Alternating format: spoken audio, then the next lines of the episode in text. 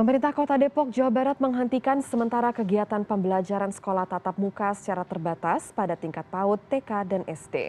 Kegiatan PTM dilakukan lantaran tren kasus COVID-19 di Kota Depok mengalami kenaikan. Kegiatan belajar mengajar tatap muka dihentikan sementara lataran kasus COVID-19 di kota Depok meningkat yang berasal dari klaster sekolah tatap muka dan keluarga.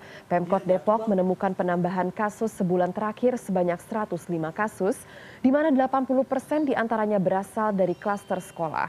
Kegiatan PTMT dihentikan sepekan mulai 18 November hingga 29 November di wilayah daerah Kecamatan Pancoran, Mas Depok.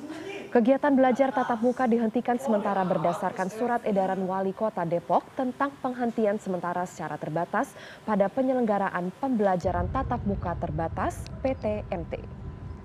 Awalnya dari kemarin itu terdapat penambahan kasus COVID-19 baru di Kota Depok 105 kasus. Penambahan ini merupakan yang tertinggi ketika terjadinya penurunan kasus. Biasanya kami di bawah 20, dia bawah 10. Dan setelah kita telusuri, jumlah 105 ini mayoritas berasal dari klaster PTMT.